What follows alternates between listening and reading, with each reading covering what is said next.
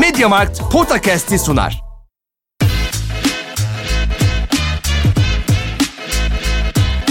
Potakast. Kaan Kural ve Orkun Çolakoğlu'yla NBA gündemine haftalık bir bakış.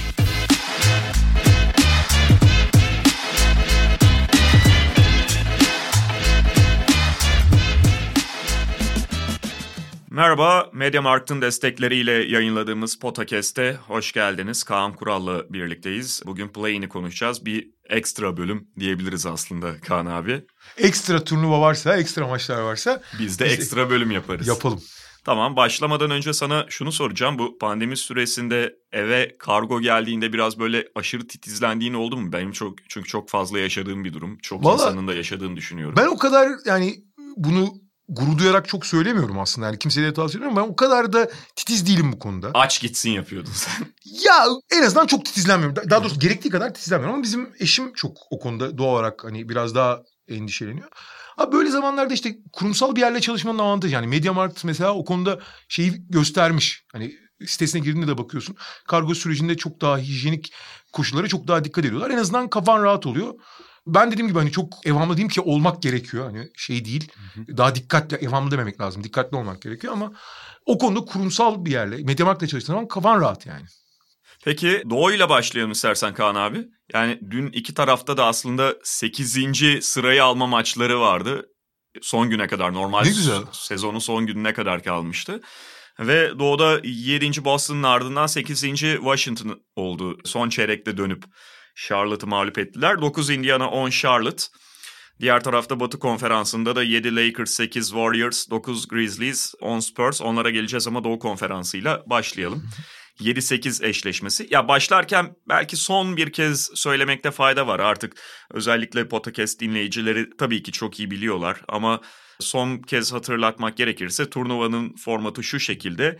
7 ve 8 oynuyor, 9 ve 10 oynuyor. 7-8'in galibi otomatik olarak 7. sırayı alıyor. Başka bir maç oynamasına gerek kalmadan playoff'ta.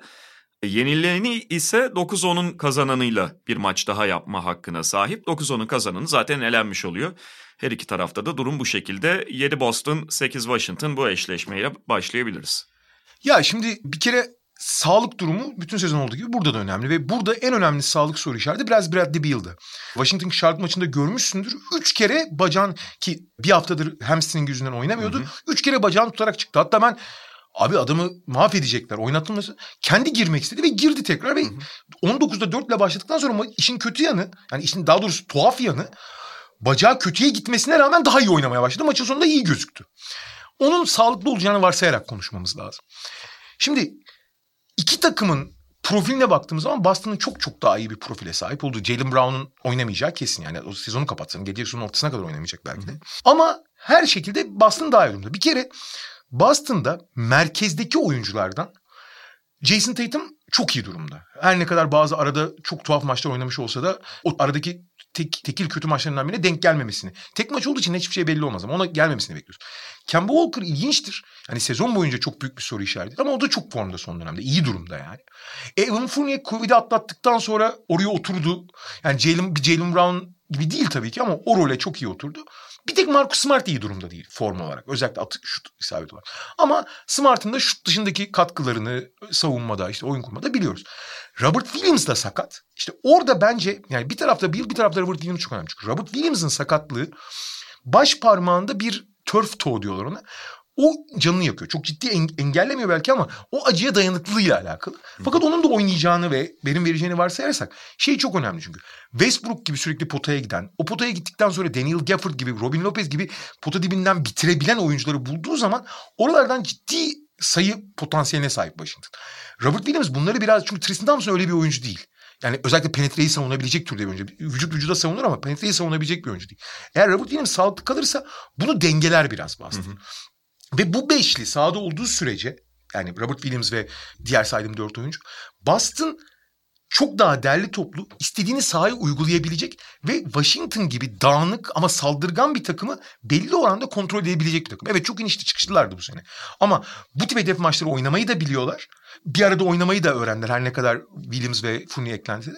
Onu tutabilirler. E, Washington'ın dağınık ama çok hırçın ve çok saldırgan bir takım olduğunu son 21 maçta 16 galibiyet aldılar ve sadece bir maçı son topa kalmadı kaybettiklerini. 5 maçın 4'ü son topa kalıp kaybettiler. Hı hı. Yani ne kadar iyi durumda olduklarını biliyoruz. Ama Boston onları kontrol edebilecek bir beşe sahip. Yedekler korkunç. Biliyoruz zaten. Ama playoff olduğu için, daha doğrusu play-in olduğu için, tek maç olduğu için bu oyuncuların 40 dakikalar civarında oynayacağını düşünürsek yani işte 3 dakika Grant Williams, 5 dakika Ojeley falan idare edilir o durum. Senaryoda Boston avantajlı bence ne olursa olsun. Buraları oynamayı bildiği Ama diğer tarafta Washington'da biliyoruz. Yani Russell Westbrook sezonun ikinci yarısında Oklahoma City Russell Westbrook gibi olduğu için bu dağınık yapısı çok belli olmayan, stratejik olarak devamlılığı çok soru işareti olan takımı inanılmaz sürüklüyor. Yani bütün herkesi ya atıyorum sürüyü önüne katıp şey haline geç, geliyor. Yani yakıp yıkarak gidiyor önünden. Yani aslanlar maslanlar duramıyor ya şey, Serengeti'de şeylerin önünde, e, sığırların önünde. Hı hı. Onlar koşmaya başladı. Öyle bir durum yaratıyor. Fakat bu süreklilik arz etmiyor fazla. İniş çıkışlar oluyor. Eğer Boston daha dengeli bir performans gösterebilirse, teorik olarak gösterebilir. Ben Boston'ı avantajlı görüyorum onu söyleyeyim. Ama onu gösteremediği senaryolarda özellikle Tatum'un kenarda olduğu yani asıl skor gücünün kenarda olduğu ya da Kemba'nın belki biraz sarsıldığı anlarda çok büyük ani skor patlamaları da yapabilir Washington. Ama ben gene de Boston'ı avantajlı görüyorum onu söyleyeyim. Ha burada şey de önemli tabii. Hani bir yıl gibi yani %100 performansla oynaması lazım ki Washington çünkü savunma anlamında evet Robin Lopez ile Daniel Gafford'da bir kaleci edindiler. Çok kötü bir savunma takımı Washington. Ama en azından kalecileri var. Ama eğer Bill yani maksimum performansta olamazsa yüzde yüzünde o zaman her ne kadar bu kaleci edinmiş olsalar da bu zayıf savunmanın, bu sorunlu savunmanın alt edebileceği kadar yani onun üstüne çıkabilecek bir hücumu yapamazlar Bill olmadan. Evet atmak durumunda olan bir takım Washington. Yani dediğin gibi Celtics'in sezon boyunca en büyük problemlerinden biri o dar kadrosuydu. Fakat bu bir playoff maçı aynı zamanda tek maç. Yani playoff serisinde mesela hani zaten burayı geçseler bile tepedeki takımlardan birine karşı çok daha kuvvetli kadrolara karşı oynayacakları için bambaşka problemleri olacak ama hani farz edelim denk bir playoff serisinde 7 maçlık seride bile bu kadro darlığı onlara sıkıntı yaşatabilirdi maçlar ilerledikçe. Fakat burada tek bir maçtan bahsediyoruz. Kazanılması gereken bir tane maç var ve gerekirse dar rotasyonla oynayıp bunu aşabilir Boston Celtics. Diğer taraftan Russell Westbrook sezonun sonunu çok iyi getirdi. Fakat Westbrook tipi oyuncuları Celtics bu sene savunmaları çok düşmüş olsa da ve çok istikrarsız gözükse de genelde iyi planla tutuyor. Yani Yanis Antetokounmpo falan bunlar tamamen Westbrook tipi oyuncular değil. Belli farklılıklardan bahsedebiliriz ama onlara karşı iyi bir savunma planı genelde Brad Stevens'ın oluşturduğunu görüyoruz ve Russell Westbrook'un da genelde bu tip savunmalara karşı, kendi oyununu kısıtlayan savunmalara karşı doğru kararlardan çabuk sapabildiğini biliyoruz. Yine de tabii ki yani bir tarafta Jason Tatum, diğer tarafta eğer sağlıklıysa Bradley Beal ve Russell Westbrook. Hani favori benim için de Celtics ama sonuçta Bradley Beal ve Russell Westbrook da özellikle tek maçta size ciddi bir ihtimal sağlıyor. Şey önemli abi. Maç içinde küçük skor patlamaları yakalayacak Washington. Aha. Oraları ne kadar kontrol edebilecek Boston? Indiana Charlotte'a geçelim. Charlotte üst üste 5 yenilgiyle girdi buraya ki zaten hani daha yukarıda olabilecekken böyle bir yuvarlanmayla birlikte 10. sıraya kadar düştüler. Indiana ise 10 gün öncesine göre kısmen daha iyi, biraz daha toparlanmış diyebiliriz ama o bir referans noktası olamaz. Çünkü takım dağılmanın eşiğindeydi. Zaten oyuncular ve koç ekibi arasında bir kopma yaşandığı haberleri geliyordu. Bunun fiiliyata da döküldüğünü gördük. Zaten hani sezonun ikinci yarısı diyeceğim tam olmayacak belki. Sezonun başından sonra hiçbir zaman istikrarlı performans gösteremediler. Miles Turner yok. Brogdon sezonu sonunu sakat geçirdi. Play'inde oynaması bekleniyor ama bekleniyor şu anda. Miles Turner ise oynamayacak. Ve yani çok dağınık bir Indiana takım var. İki taraf için de aynı şeyleri, benzer şeyleri konuşabiliriz. Yalnız işte Brogdon'un ve Domantas Sabonis de sakattı döndü. İyi de Aha. döndü bu arada. Fakat oyunların yokluğunda bazı oyuncuların ekstra sorumluluk, O'Shea Brissett başta olmak üzere Edmund Sumner. Onların ekstra sorumluluk alıp bu sorumluluklarla Karis LeVert'ün de tabii rolü de çok da büyük. İyi işler yaptığını gördük. Şimdi Miles Turner olmadığı zaman bu takım iyi savunma yapamaz. Zaten hiçbir zaman iyi bir savunma takımı değildi. Şimdi iyiden iyiye geldi. Fakat daha derli toplu, daha koordineli, daha yüksek hücum potansiyeli bir takıma dönüştü. Nitekim yalnız bu Charlotte'ın tam istediği türde bir rakip. Çünkü Charlotte'ın en büyük sorunu Charlotte hiç boyalı alanı savunamıyor. Kodizelerin olmadığı sene ki olsa da çok savunuyor. Bismarck Biombo'da çok kısa kalıyor mesela. Fakat onun dışında yüksek tempolu oynanan bir maçta inanılmaz potansiyelleri yüksek. Hı hı. Indiana da yüksek tempoyu seviyor. Bir kere çok skorlu olacağına eminim ben. Bu biraz kimlerin gününde olacağına falan çok bağlı. Şimdi Lamelo döndükten sonra bir de bir önceki maçta Charlotte'ın başından önceki maçı hangisi hatırlamıyorum. Çok kötü şut attığı için son 7 dakikada ve uzatmada oynatılmadı. New York maçı mıydı uzatmaya giden? York olması lazım. Neyse uzatmada da oynatılmadı ve nedense bir hala kendini biliyorsun Lamelo'nun acayip bir sağlıksız sınırında bir egosu var. Şimdi bu olumlu şey, katkıları olduğu gibi işler kötü gittiği zaman olumsuz da yansıyabiliyor. Daha fazla atmaya çalışıyor. Mesela Washington son uzatmada oynatılmadı. Son 7 dakikada uzatmada. Şey maçı bir başladı. Washington en kritik maç. Abi ilk üç dakikada üç tane şut attı ki Lamelo öyle çok şut atmaya meraklı da değildir. Hani ben kendimi göstereceğim diye kötü şut atıyor. Gene kötü şut attı ayrı konu. Sonra toparladı yalnız biraz oturduktan sonra. Tempolu bir maç olacağı ve tempolu maçı Charlotte'ın çok sevdiğini biliyoruz. Miles Bridges'ın dönmesi çok önemli çünkü sezonun ikinci yarısında Miles Bridges müthiş oynadı. Evet. Burada biraz Devonte Graham inanılmaz formda. Terry Rozier sezon boyunca sürdürdüğü formu kaybetti ama Devonte Graham inanılmaz formda. Burada James Borrego'nun Miles Bridges, Devonte Graham, Terry Rozier ve Lamelo'nun arasında top kullanımını nasıl dengeleyebileceği veya bunu dengeleyip dengeleyip çünkü Lamelo sahada olduğu zaman buna karar vermek kolay olmuyor. Rozier de biraz öyle. Yani atmayı çok seven ve açıkçası seçmeyi de çok bilmeyen oyuncular bunlar. Miles Bridges'a biraz daha fazla topu vermeleri gerektiğinin farkına varmışlar mı varmamışlar mı? Indiana'nın yüksek tempoda da çok daha akıllı tercihler yapabileceğini biliyoruz Brogdon sahadayken. Brogdon sahadayken çok daha akıllı işler yapıyorlar. Keza Sabonis de öyle. Eğer iş çok yüksek tempoda dağılmaya giderse yani yatağından çıkar şarambol yuvarlanırsa o zaman Indiana avantajlı. Ben ama burada daha genç, daha dinamik, daha saldırgan ve açıkçası daha iştahlı olan tarafın her ne kadar Indiana kağıt üzerinde daha iyi gözükse de Charlotte'ın şansının çok çok yüksek olduğunu düşünüyorum. Şu bakımdan bence ilginç bir eşleşme. Charlotte çok fazla alan savunması yapıyor. Hı hı. Yani biraz da zaten kısa beşlerle oynamaya çalıştıkları için Ligde en fazla özellikle son dönemde alan savunması kullanan takımlardan biri. Indiana da öyle ama Indiana beceremiyor. Doğru. Yani Indiana'da zaten Björkgren'in en fazla eleştirildiği konu bu belki sezon boyunca. Hani çeşitli başka konular var, oyuncularla ilişkileri falan ama Toronto'da gördüğü ve Toronto'nun e, personeline çok daha uygun olan şeyleri Indiana'ya yaptırmaya çalışması, işte bu alan savunmasının denemesi, paramparça edilmesi rakipler tarafından ama ısrarla üstüne gitmesi falan Indiana'nın en enteresan konularından biriydi. Artı alan savunması personeli ve uygunluğu en önemli konu. Fakat alan savunmasının bir ikincil yan etkisi var. Charlotte onun için daha çok yapıyor. Yan etkisi de şu. Çok çabuk hızlı açık sahaya çıkabiliyorsun. Aha. Hızlı hücuma çıkabiliyorsun. Charlotte onu tetiklemek için de yapıyor. Yani savunmanın avantajları değil, hücuma getirdiği avantajlar için kullanıyor. Indiana'nın öyle bir durumu da yok. Çünkü açık saha oynamıyor Indiana fazla. Kim diyorsun? Ya ben Indiana diyorum ama çok ufak bir farklı ve çok fazla böyle zaten ufak bir farklı dememin altında da bu yatıyor. Bir, şey, çok fazla bir şeye dayanmadan hani bir parça daha Charlotte'a göre eğer Brogdon oynarsa bu arada o şart düşeyim. Ama oynayacak gibi oynayacak, gözüküyor. Oynayacak Yani bütün şeyler hani oynamadı şeye kadar ama belli ki onu biraz sakladılar. Brogdon'un da dönmesiyle Indiana'nın biraz daha hani kısmen ayaklarının yere bastığını düşünüyorum Charlotte'a göre. Ben de öyle düşünüyorum aslında. Yani özellikle ateşin çok yükseldiği yerlerde su kaynatmaya daha yatkın oyuncular. Charlotte'da soğukkanlı olmaya daha yatkın oyuncular Indiana'da ve Sabonis'in çok ciddi bir eşleşme sorunu yaratacağını da düşünüyorum. Ama tempo çok yüksek olunca Charlotte'ın avantajları da ortaya çıkıyor. Fakat buradan gelecek takımın diğer tarafta yani Washington olma ihtimali daha yüksek olan tarafı da geçme ihtimalinin çok düşük olduğunu düşünüyorum. Yani Washington evet. Boston geleceğini düşünüyorum ben. Aynı fikirdeyim. Peki Batı'ya geçelim. Batı'da da az önce söylemiştik. 7 Lakers, 8 Warriors, 9 Grizzlies, 10 Spurs eşleşmeleri var. Lakers Warriors'la başlayalım bir kere. Adam Silver oh Allah yüzümüze güldü diye böyle. NBA finali gibi bir rating alır herhalde maç. Muhtemelen, muhtemelen. Yani hakikaten tam istedikleri şey oldu. Tek maç tek maç.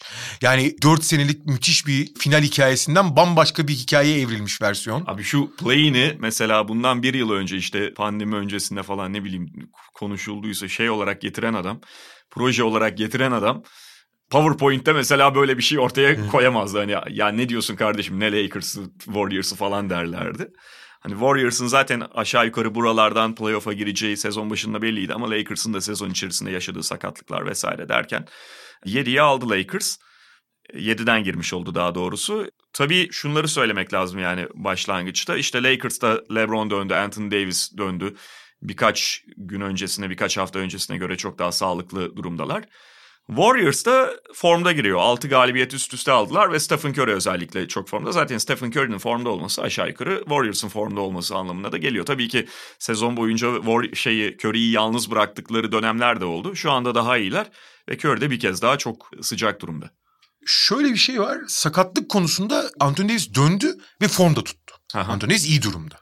Şimdi onun iyi durumda olması demek bütün dengeleri değiştiren en önemli faktörlerden biri. LeBron için aynı şeyi söyleyemiyoruz. Çünkü daha doğru düzgün görmedik LeBron'u.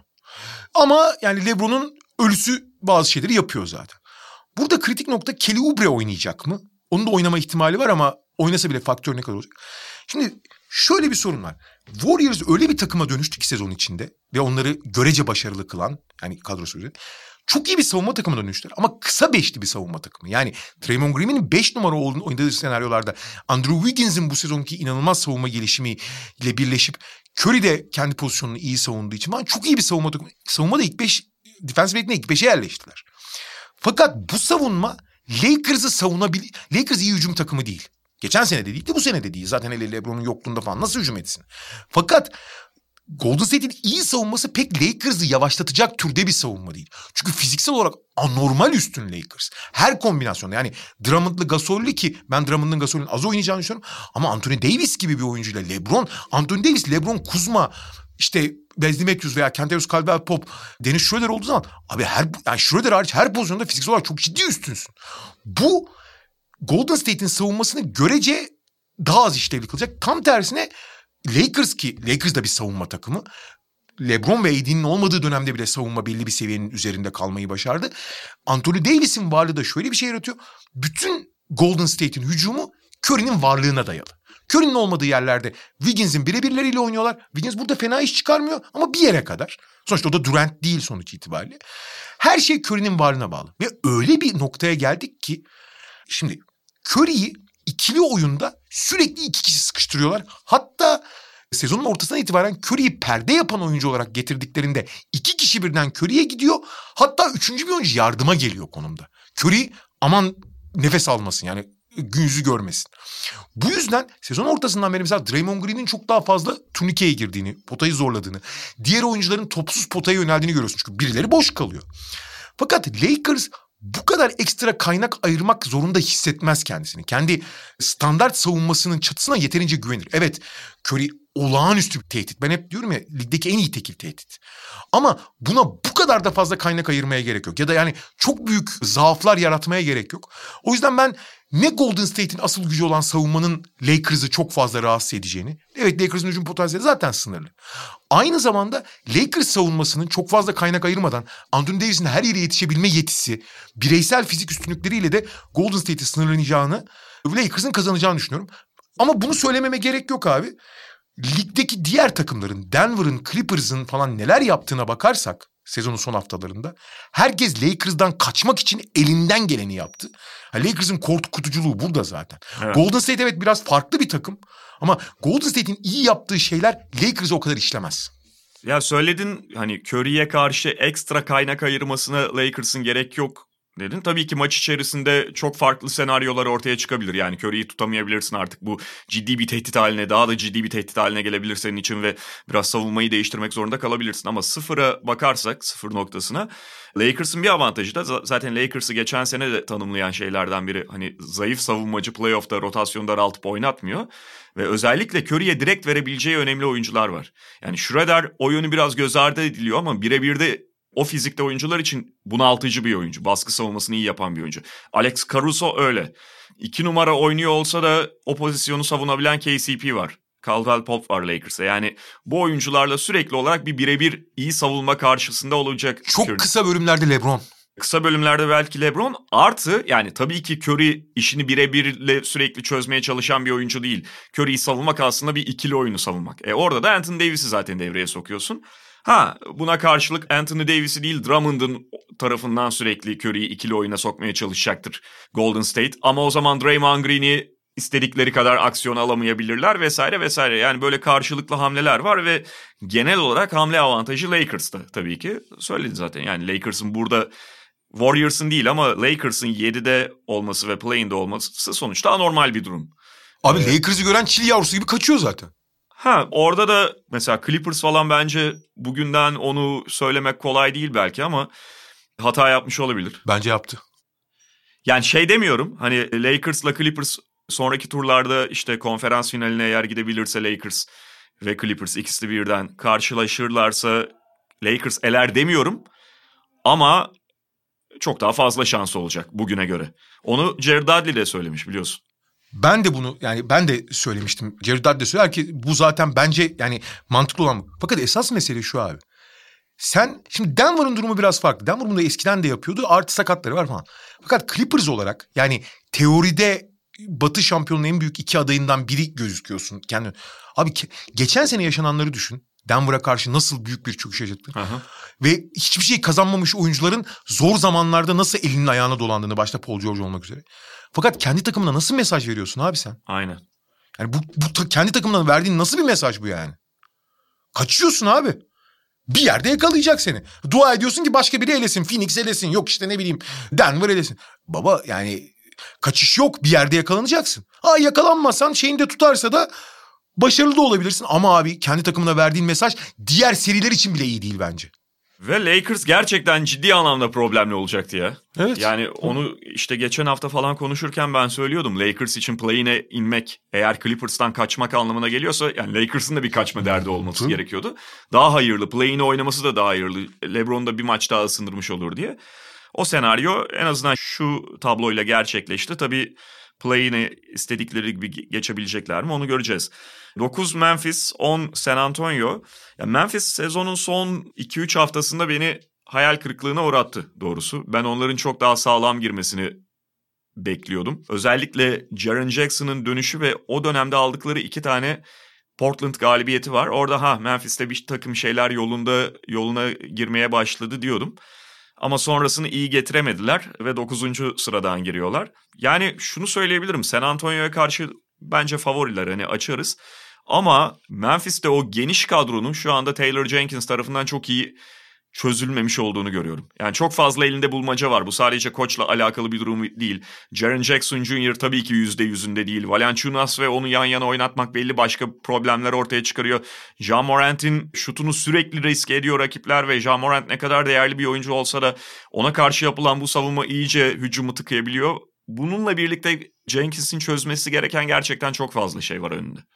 Ya geniş kadroyla oynamak, pek çok oyuncuyu hazır tutmak, onlara farklı roller vermek ve o rollerde gelişmesini vermek bunlar güzel. Ve Memphis'i belli bir noktaya kadar da bunlar taşıdı. Tabii ki. Tabii ki. Abi yani 3 sakatı varken bile 10 kişiyle oynuyorlardı. Aha. 14 tane falan rotasyon oyuncusuna sahip Memphis. Ve hepsini de belli oranlarda geliştirdiler. Roller belirlediler. Bunlar harika.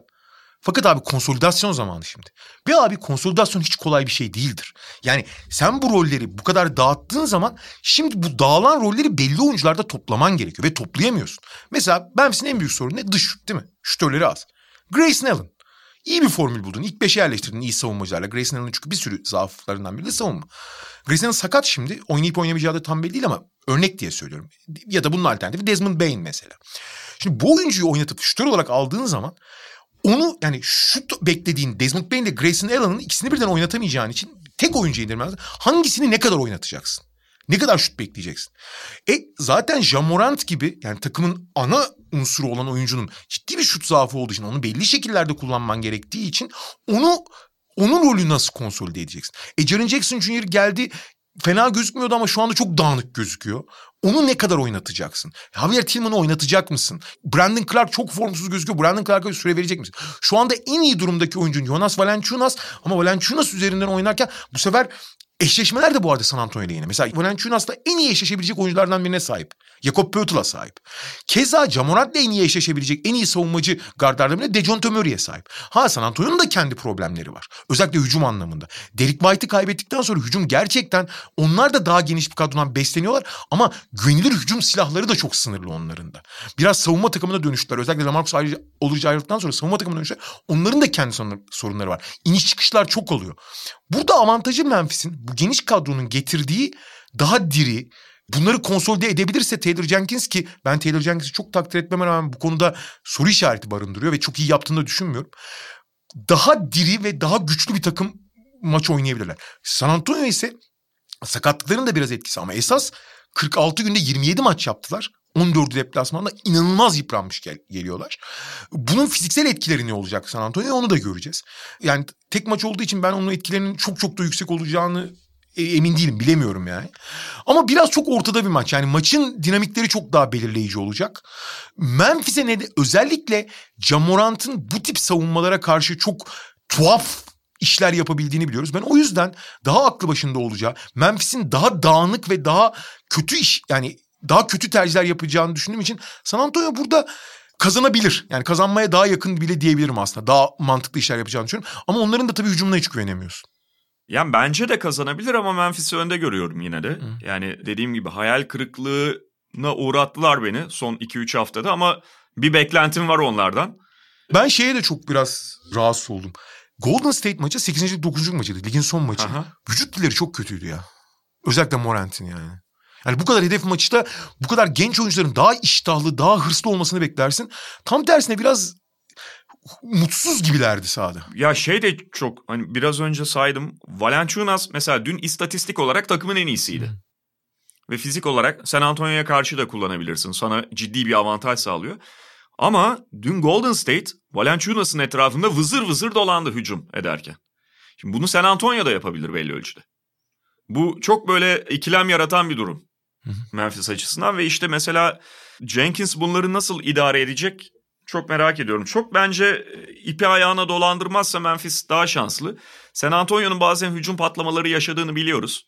Patlamalar gibi tamamen felç dönemler de yaşıyor. Yani hani içe doğru da patlayabiliyor ama Abi Boston'a 32 sayıdan verdikleri maç neydi öyle işte o iki devresi San Antonio'nun mesela. İlk yarı harika hücum ettiler. Ya harikanın ötesinde hani hayal gibi San Antonio açısından ama sonra da tıkanınca o şutlar girmeyince ikinci bir plan bulamayınca tamamen paralize olan ve 32 sayıdan veren bir San Antonio görebiliyoruz. Onun bir benzerini daha yaşadılar. Daha Phoenix maçı işte yeni. Ha yani o yüzden ben yine de Memphis'i önde görüyorum ama söylediğin gibi San Antonio da kazanabilir.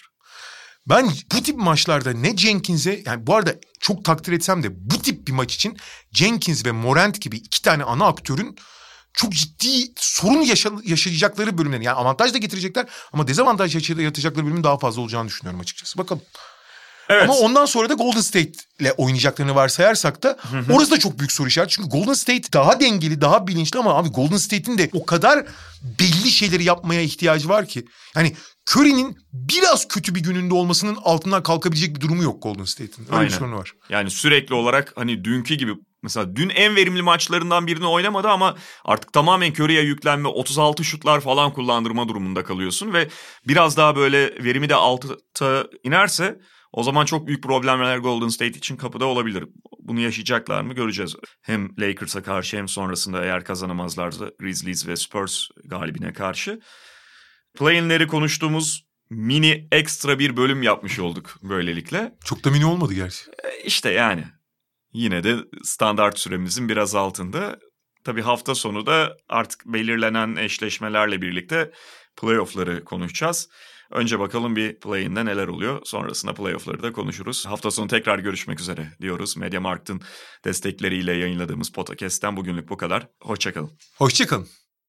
Mediamarkt Podcast'i sundu.